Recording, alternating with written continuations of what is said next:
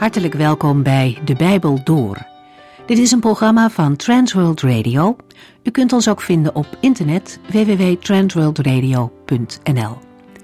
De Bijbel Door is een radioserie die in vijf jaar tijd door de hele Bijbel gaat. Van Genesis tot Openbaring, van kaft tot kaft.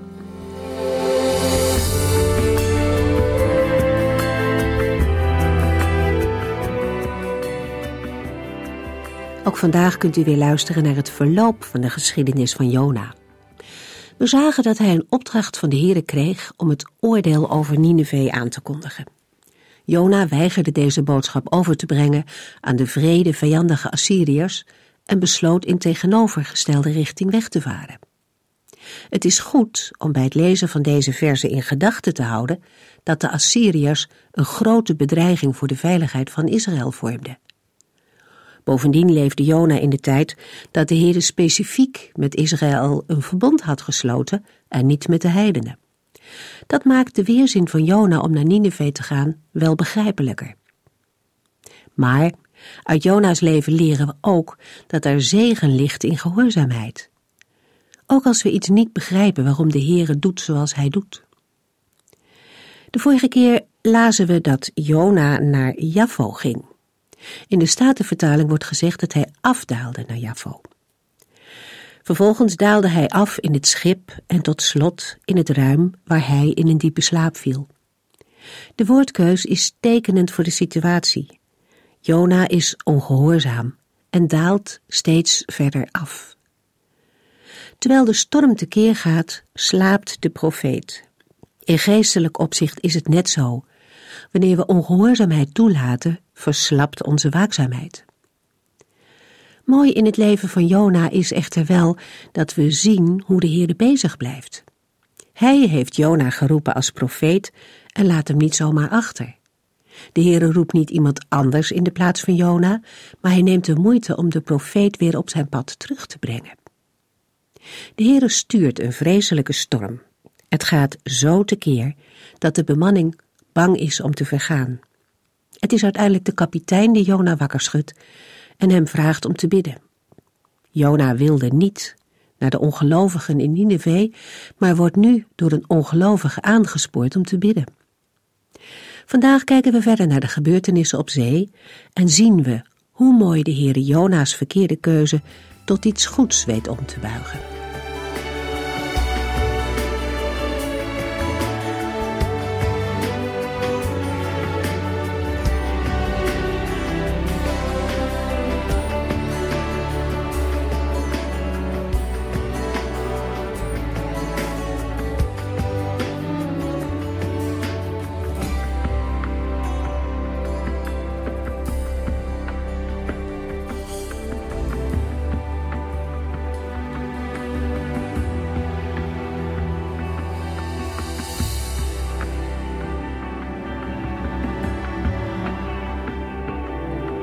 In de vorige uitzending zagen we al dat de bemanning van het schip onder de indruk was van de woorden van Jona over de Here.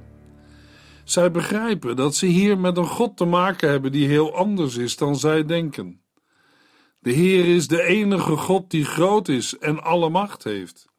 Hij heeft de zee en alles wat daarin is gemaakt. Als schepper en eigenaar beslist hij over water en wind. Het maakt op die heidense mannen een diepe indruk.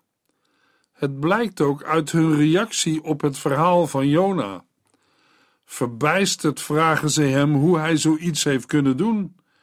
Wie haalt het in zijn hoofd om zo'n God niet te gehoorzamen en voor hem op de vlucht te gaan? Dat was voor Jona een ontdekkende vraag, maar vandaag ook voor ons. De bemanning heeft diep ontzag voor de God van Israël. Daarom gooien zij Jona niet zomaar overboord. Stel je voor dat zijn God dat niet goed vindt. De bemanning lijkt daar meer over in te zitten dan Jona zelf. En als zij tenslotte niet anders kunnen, dan doen zij het met vrezen en beven en vertellen de heren dat ze geen andere oplossing meer zien. En ook als de storm straks even wonderlijk gaat liggen als hij is opgestoken, zijn zij vol van die God die grote dingen doet. Zij aanbidden de Heere met woorden en met offers, en zij beloven hem te zullen dienen, zodra zij aan land zijn gekomen. En Jona? Jona heeft ondanks zijn weigering naar Nineveh te gaan, toch tegenover heidenen moeten getuigen van de grootheid van de Heere. Hij die hemel en aarde gemaakt heeft en regeert van zee tot zee, tot aan de einden van de aarde. In vers 7 hebben we gelezen dat de bemanning overlegden met elkaar en besloten het lot te werpen om erachter te komen wie de goden had beledigd en de schuld had van de verschrikkelijke storm. Het lot werpen is te vergelijken met een vorm van bidden. In de Bijbel lezen we dat het lot werd geworpen, onder andere als mensen een antwoord wilden weten van de Heere, en zij er langs de weg van de gewone middelen niet achter konden komen. Het lot werpen is dan ook geen spel of het wagen van een gokje, maar een voluit geestelijke zaak, geladen met een diepe ernst. Jona kon er bij wijze van spreken op wachten dat het lot hem zou aanwijzen. En dat doet hij inderdaad, want Jona zegt niet: Laat het lot werpen maar achterwege, want ik ben de schuldige. Koestert hij nog de valse hoop dat het lot hem niet zal aanwijzen? Maar het blijft niet verborgen, want het lot valt op Jona. Dan komt het hele verhaal boven water en moet de bemanning aan Jona vragen in Jona 1 vers 11: Wat moeten wij met u doen om een eind te maken aan deze storm? Want de zee werd steeds dreigender. Wat nu?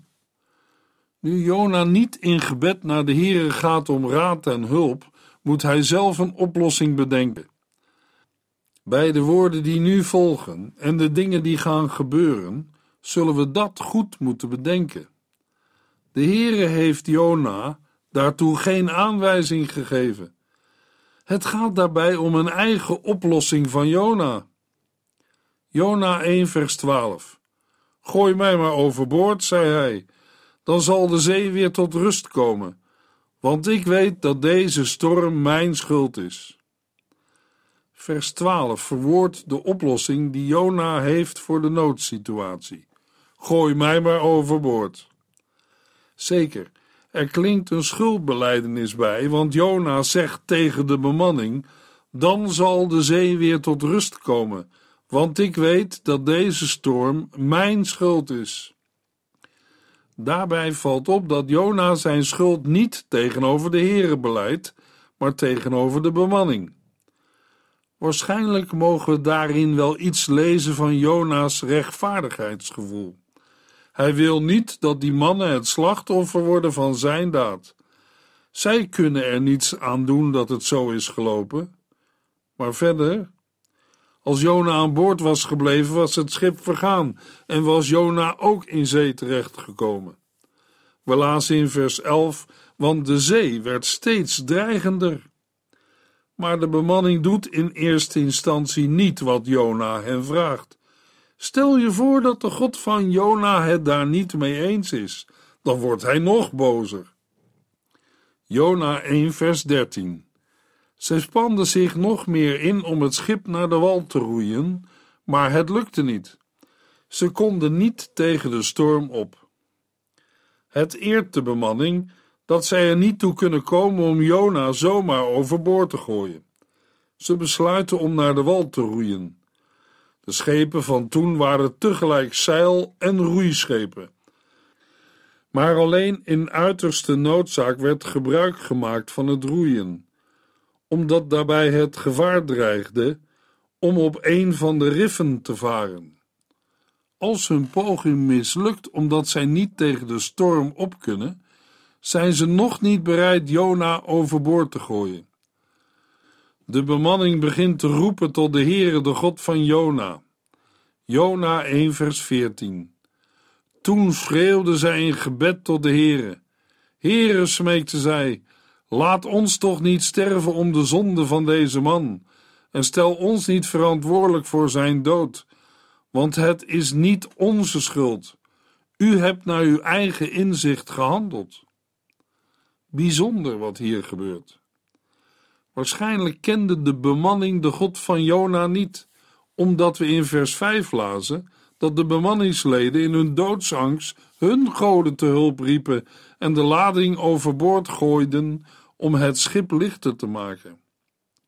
In vers 14 roept de bemanning de God van Jona aan in de hoop dat hij hen zal helpen. Ze vragen ook: laat ons niet sterven om de zonde van deze man en stel ons niet verantwoordelijk voor zijn dood, want het is niet onze schuld. U hebt naar uw eigen inzicht gehandeld. Ze vragen eigenlijk aan de Heere: reken het ons niet toe als wij iets doen wat u niet wil. Ondanks hun verwoede pogingen om te voorkomen dat zij Jona overboord moeten gooien, ziet de bemanning nu geen andere mogelijkheid meer. Kortom, de bemanning gooit Jona pas overboord als het echt niet anders meer kan en er geen enkele andere uitweg meer is te vinden. Er zijn over Jona's woorden: gooi mij maar overboord, scherpe dingen geschreven. Het zou zelfmoord van Jona zijn geweest. Andere uitleggers zijn weer heel lovend over zijn woorden. Jona zou zichzelf hebben opgeofferd om de bemanning van het schip naar Tarsus te redden. En vooral is Jona heel vaak getekend als een type van de Heer Jezus, omdat hij vrijwillig de dood ingaat, waardoor anderen worden gered. Dan worden de lijnen van deze geschiedenis doorgetrokken naar de woorden van Christus, waarin hij zijn weg met die van Jona vergelijkt. Maar als wij gewoon lezen wat er staat, valt er niet veel geestelijks in de woorden en daden van Jona te ontdekken. Want als Jona zich hier opoffert voor de bemanning, opdat zij niet zouden omkomen, dan blijft de vraag of dat een offer is dat de Heere behaagt. Waar is bij Jona het verdriet over zijn ongehoorzaamheid aan de Heere te vinden? Een gebroken hart en een verslagen geest. Is Jona een type van Jezus Christus omdat hij vrijwillig de dood inging? Dat zou ik niet zonder meer durven zeggen. Mede omdat de dood van Christus een daad van gehoorzaamheid was van de knecht van de Here. In Filippenzen 2 vers 8 tot en met 11 lezen we over de Heer Jezus. Herkenbaar als mens, vernederde hij zich en gehoorzaamde tot het uiterste, zelfs tot de dood aan het kruis. Daarom heeft God hem de hoogste plaats en de allerhoogste titel gegeven, zodat in de naam van Jezus iedereen in de hemel, op aarde en onder de aarde zijn knieën zal buigen en tot eer van God de Vader openlijk zal erkennen: Jezus Christus is de Heere. Jezus Christus gehoorzaamde tot de dood aan het kruis. Maar waaruit blijkt de gehoorzaamheid van Jona? Is zijn voorstel niet veel eerder een verder gaan op zijn dwaalweg?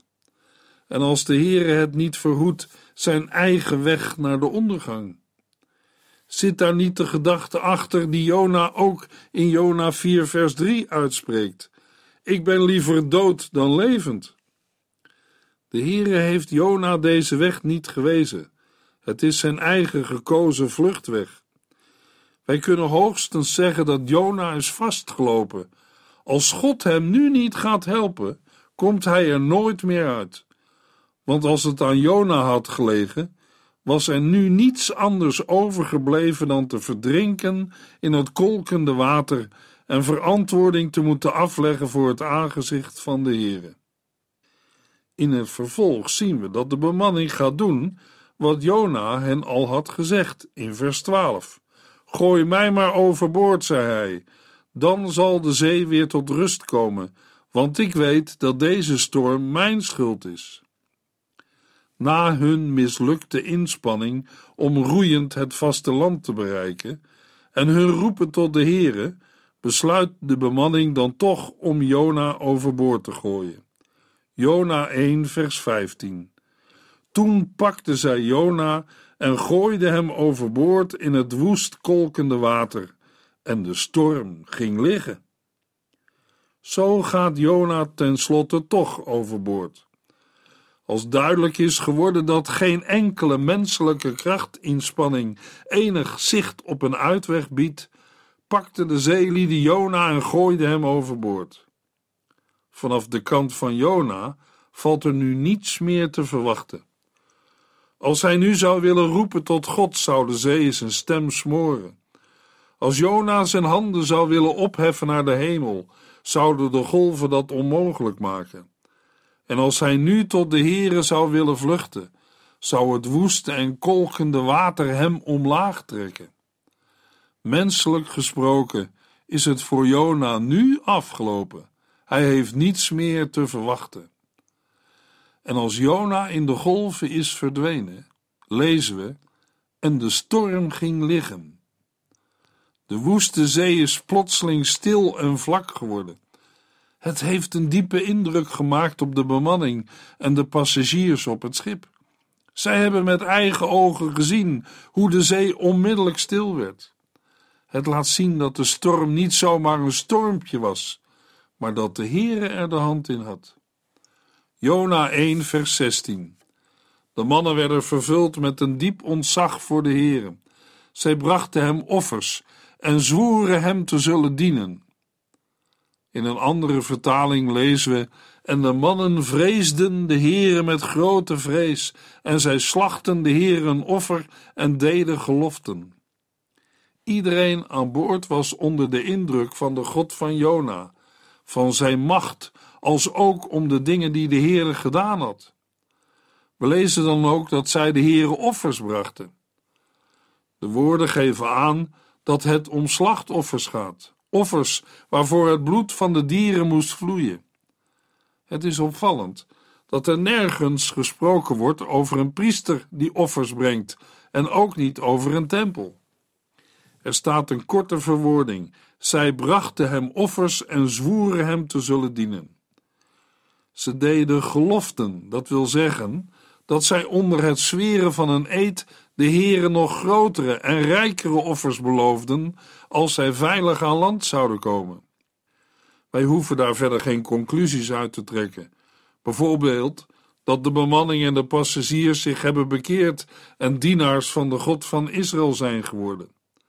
Naast de eigen goden brengen zij nu ook hun eer aan de Heere, omdat zij van zijn macht overtuigd zijn. Er zijn geen aanwijzingen dat zij hun goden voor de Heere vaarwel hebben gezegd. Maar wat gebeurt er nu met Jona? Jona 1 vers 17 De Heere had echter gezorgd voor een grote vis die Jona inslikte. Jona bleef drie dagen en drie nachten in die vis. Ja, daar is dan in de diepte van de zee die vis die Jona inslikt. Die vis heeft al veel Bijbeluitleggers en andere wetenschappers flink wat hoofdbrekens en problemen bezorgd. Velen hebben zich dan ook in deze grote vis verslikt. Het kan immers niet, zo'n grote vis in de Middellandse Zee, met een keelgat waar niet eens een mens in zijn geheel doorheen kan. Hoe kan een mens zo lang overleven onder water in de maag van een grote vis? Menselijk gezien is het niet vreemd dat er bij deze geschiedenis zulke vragen naar boven komen. Maar dat is nu ook juist het punt. Wij kunnen er als mensen allemaal wat van vinden en zeggen, maar vers 17 begint niet met een menselijke visie of actie. Wij moeten niet vergeten dat dingen die voor ons mensen onmogelijk zijn, wel mogelijk zijn bij God. We lazen in vers 17: De Heere had echter gezorgd voor een grote vis die Jona inslikte. Er staat niet bij hoe de Heere dat heeft gedaan. Maar voor de God die de hemel en aarde heeft gemaakt, met de zee en alles wat daarin is, de schepper van alle dingen, is dat geen probleem. De Heere spreekt en het is er. Logisch dat wij mensen dat niet snappen. Wij zijn niet gelijk aan de Heere. Psalm 8 zingt van de grootheid van de Heere en dat hij de mensen een plaats heeft gegeven vlak onder hemzelf. In een andere vertaling lezen we een weinig minder dan de engelen. en de Septuaginta vertaalt in plaats van de engelen met God. De mens als kroon van Gods schepping, bijna goddelijk, maar mag zich niet gedragen als God zelf of als schepsel de schepper ter verantwoording roepen.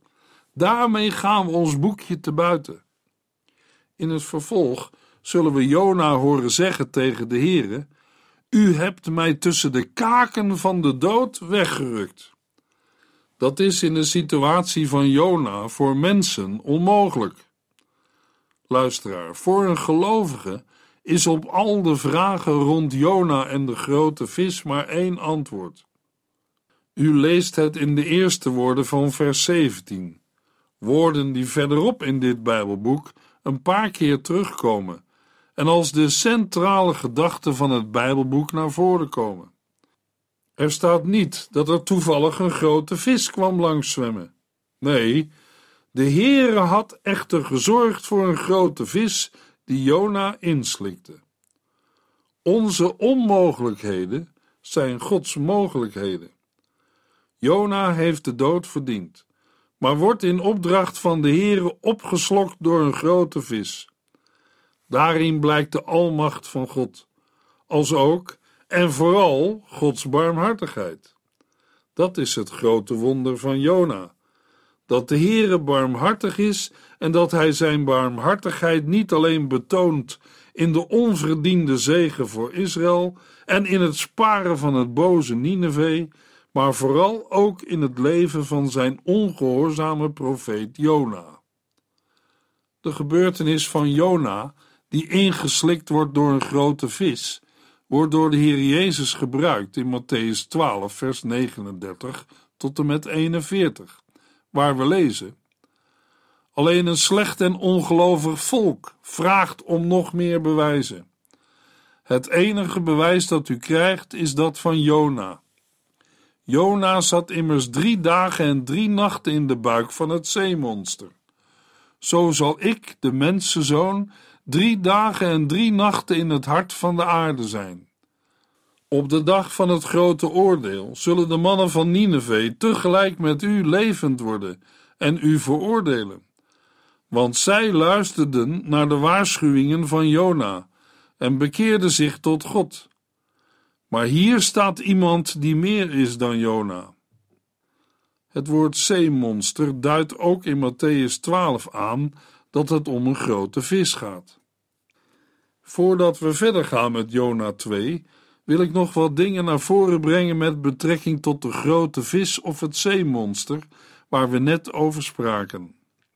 Is geloven verbonden met de uitspraak die je wel eens hoort: geloven is de blik op oneindig en het verstand op nul? Dan mag je niet vragen: was het nu een walvis of niet? Want dan gaat de mens aan de grootheid en almacht van de Heere twijfelen. Zeker, daar moeten wij niet aan gaan twijfelen, ook als we bepaalde dingen niet begrijpen of kunnen uitleggen. Al wil dat nog lang niet zeggen dat je de vraag: was het nu een walvis of niet, niet zou mogen stellen. Het is zeer waarschijnlijk dat het zeemonster inderdaad een soort walvis is geweest, maar geen gewone baardwalvis, die zich met kleine dieren voedt en een veel te klein keelgat heeft om een mens in te slikken. Waarschijnlijk is het zeemonster een van de vele soorten tandwalvissen geweest. Tandwalvissen, bijvoorbeeld een potvis, kunnen grote prooien verorberen. Het keelgat van dit dier is wijd genoeg om twee of drie mannen tegelijk in te slikken. Het dier kan wel een lengte van meer dan 20 meter bereiken, waarvan de reusachtige kop alleen al op 6 meter komt. Potvissen zwemmen in alle tropische zeeën, maar komen ook in gematigde luchtstreken voor. In de maag van een potvis zijn wel haaien van 4 tot 5 meter lengte gevonden. Zo groot zal Jona wel niet geweest zijn. Ook heeft een potvis de eigenaardige gewoonte om, als hij geharpoeneerd wordt en stervende is, de inhoud van zijn maag uit te spuwen. Een ooggetuigenverslag vertelt dat een grote potvis eens een hoeveelheid voedsel van wel 7 of 8 kubieke meter uitspuwde. Zo onmogelijk is de geschiedenis van Jona niet. Een ander probleem zou het feit kunnen zijn dat Jona drie dagen en drie nachten in de buik van het zeemonster in leven is gebleven. Maar een potvis, net als alle walvissen, is geen vis in de zin van dat het dier kieuwen heeft. Het is een zoogdier dat door longen ademt. Het dier moet geregeld bovenkomen om adem te halen en zwemt dan ook het liefst aan de oppervlakte. Maar als hij wordt aangevallen, duikt het dier onder en kan dan meer dan een uur onder water blijven. Een potvis hoopt de benodigde zuurstof op in het bloed, waarvan zij naar verhouding veel meer bezitten dan andere dieren. Hieruit is te verklaren dat ook in hun maag een grote hoeveelheid zuurstof aanwezig is, al zal Jona het best benauwd hebben gehad. Ten slotte wordt de twijfel over de mogelijkheid van zoiets als met Jona gebeurde achterhaald door feiten, die niet zomaar naar het rijk van de fabeltjes kunnen worden verwezen. Verslagen van walvisvaarders berichten dat vaker mensen door walvissen zijn opgeslokt en dat een aantal van hen het hebben overleefd. Er is geen reden om aan de waarheid van deze verhalen te twijfelen doorslaggevend voor een christen is dat de Heer Jezus zelf de waarheid van de geschiedenis heeft bevestigd. Jona 2, vers 1 en 2. Vanuit de vis bad Jona toen tot de Heer en zei: In mijn grote moeilijkheden riep ik de Heere, en hij antwoordde mij. Ik riep vanuit de diepte van de dood, en u hoorde mij, Heere. De laatste woorden van Jona 1 wekken verwachting. Wat gebeurde er met Jona na de genoemde drie dagen en drie nachten in de buik van de vis? Daarover meer in de volgende uitzending.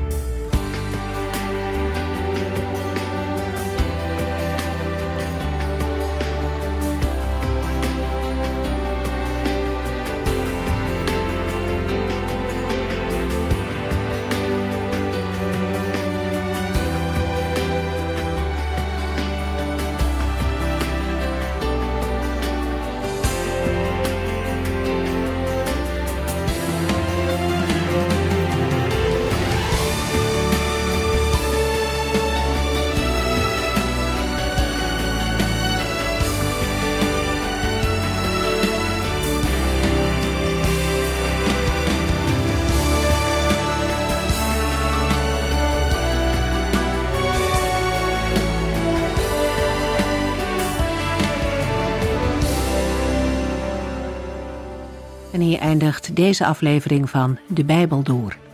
Een serie programma's van Transworld Radio. Wilt u ons iets vragen of meer weten? Dan kunt u altijd contact met ons opnemen. Bellen kan overdag met 0342 478432. Per post Transworld Radio. Postbus 371. Postcode 3770. Anton Johannes in Barneveld. En e-mailen kan ook. De Bijbel door at transworldradio.nl En natuurlijk ook via onze website transworldradio.nl Dit programma werd gepresenteerd door Cor Weda en Ike André. En namens iedereen die er nog meer aan meegewerkt heeft, graag tot de volgende keer.